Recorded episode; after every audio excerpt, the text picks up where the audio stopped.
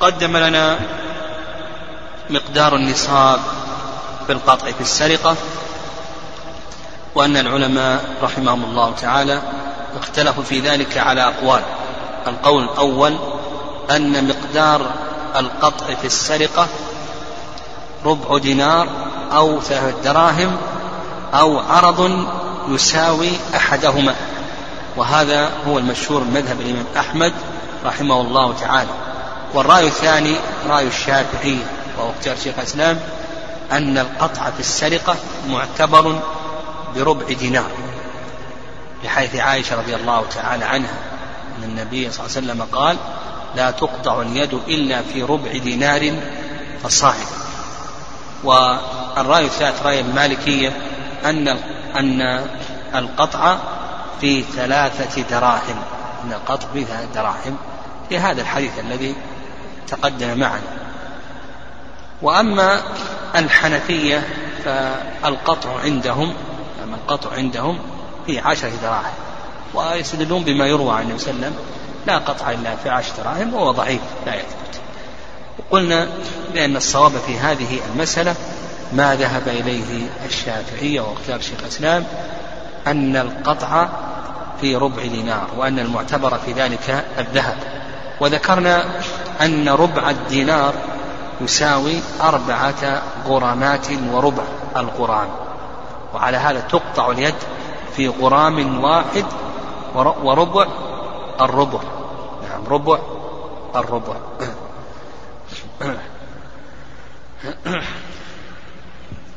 قال المؤلف رحمه الله تعالى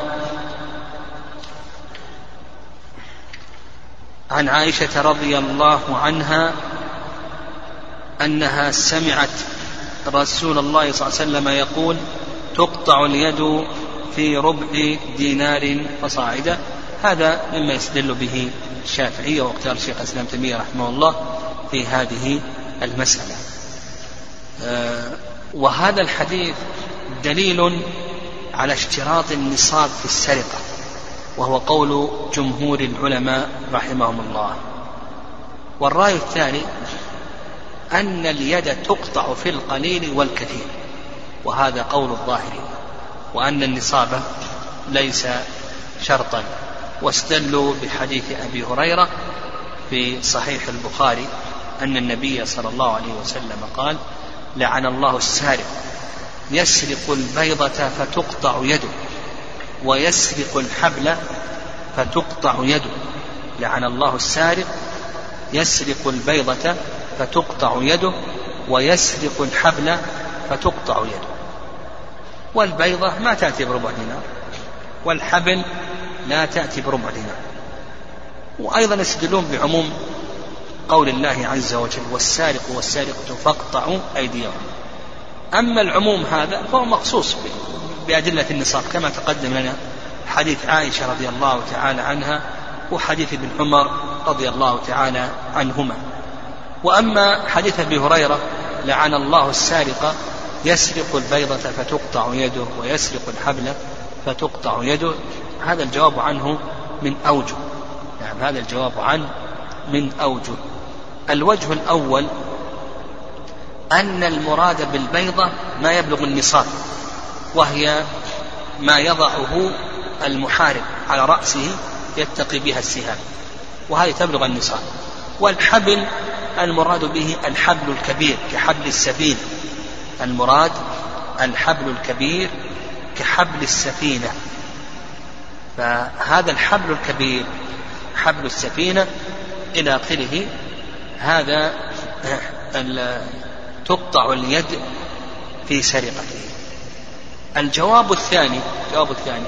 أن المقصود بذلك قول لعن الله السارق يسرق البيضة المقصود بذلك التنفير والتقبيح. نعم التنفير والتقبيح والتغليظ. الجواب الثالث أن المقصود بقوله عليه الصلاة والسلام لعن الله السارق يسرق البيضة فتقطع يده إلى آخره أن سرقته للبيضة يجره إلى أن يسرق ما هو أكبر من البيضة. فتقطع يده. يسرق ما هو أكبر من البيضة إلى آخره فتقطع يده. ويسرق ما هو أكبر من الحمل يعني إذا إذا سرق البيضة ثم سرق الحبل سرق ما هو أغلى منهما ثمنا فيؤدي به ذلك إلى أن تقطع يده. قال رحمه الله تعالى قال باب في إنكار الشفاعة في الحدود والنهي عنها. قال عن عائشة رضي الله عنها أن قريشا أهمهم. يعني الشفاعة في اللغة مأخوذة من الشفع وهي جعل الفرد زوجا. وأما في الاصطلاح فهي التوسط للغير بجلب منفعة أو دفع مضرة. والمراد بها هنا التوسط بإسقاط حد من حدود الله عند الحاكم. المراد هنا التوسط بإسقاط حد من الحدود بعد ثبوته عند الحاكم. قال المؤلف رحمه الله عن عائشة رضي الله عنها أن قريشا أهمهم يعني جلب لهم الهم وهو الحزن. أهمهم يعني جلب لهم الهم وهو الحزن.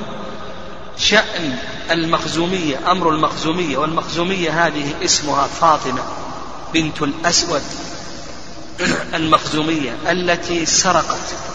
فقالوا من يكلم فيها الرسول صلى الله عليه وسلم؟ لكي يسقط عليها لكي يسقط عنها النبي صلى الله عليه وسلم الحد.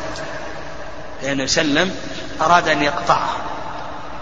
فقالوا ومن يجترئ عليه إلا أسامة بن زيد حب رسول الله صلى الله عليه وسلم.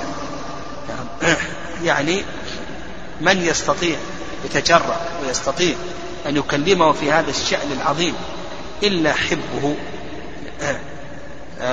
حب رسول الله صلى الله عليه وسلم. فكلمه أسامة.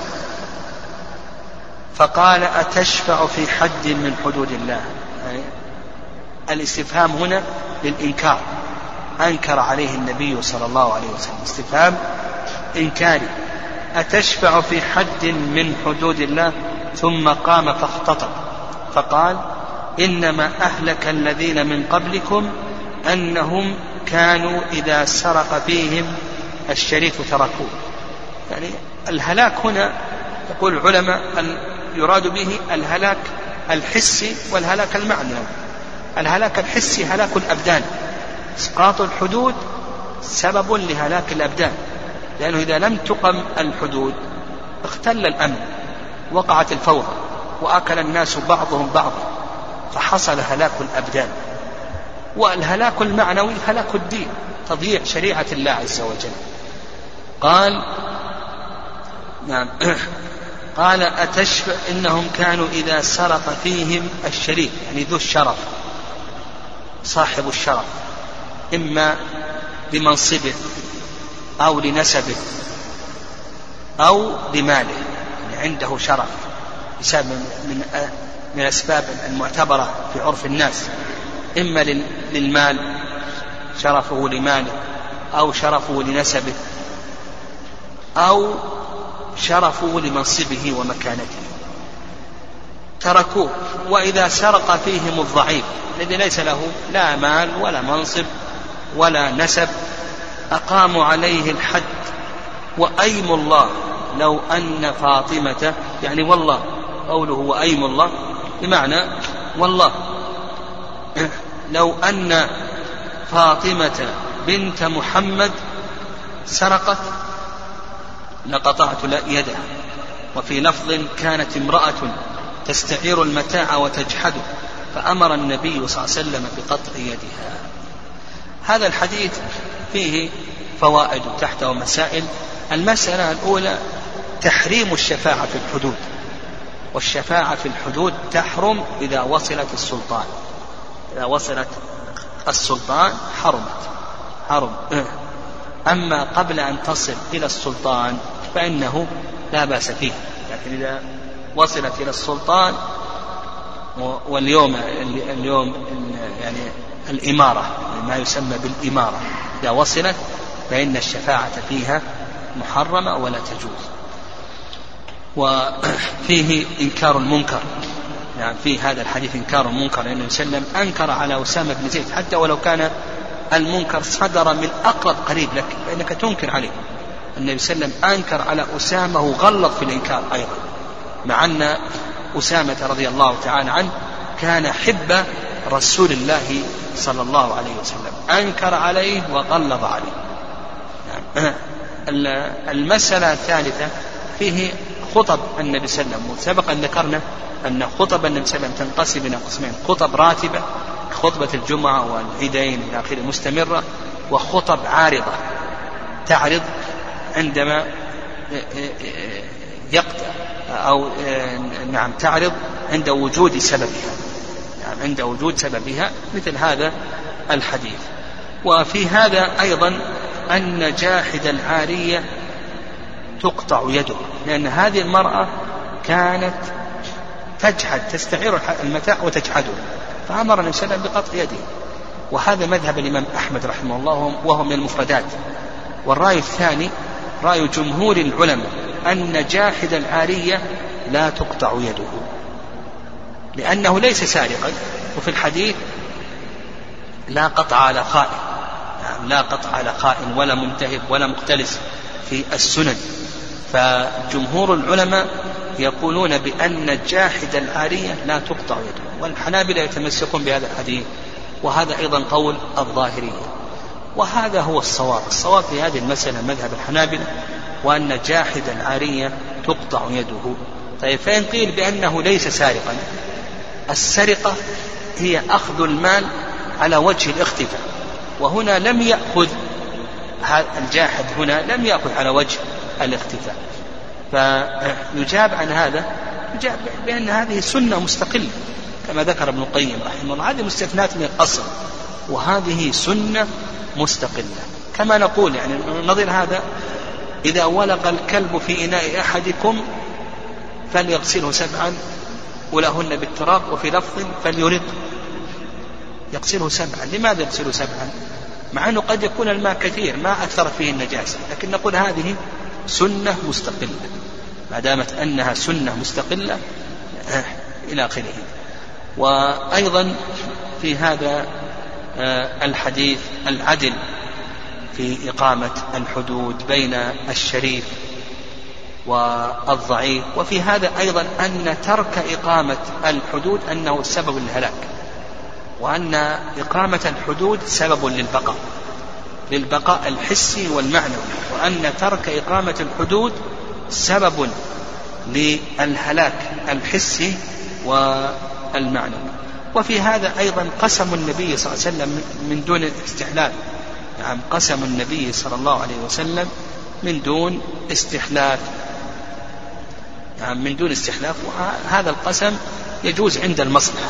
إذا كان هناك مصلحة فإن هذا جائز ولا بأس به إلى آخره. وفي هذا أيضا المبالغة في الكلام والخطبة عند الحاجة إلى ذلك. وكذلك أيضا ضرب الأمثلة والتشبيه وهذا أسلوب من أساليب النبي صلى الله عليه وسلم في نعم أسلوب من أساليب النبي صلى الله عليه وسلم في التعليم والإرشاد. وفيه ما عليه من كان قبلنا من الضلال والتحريف والتغيير أنهم كانوا إذا سرق فيهم الشريف تركوه وإذا سرق فيهم الضعيف أقاموا عليه الحد. سبحانك اللهم.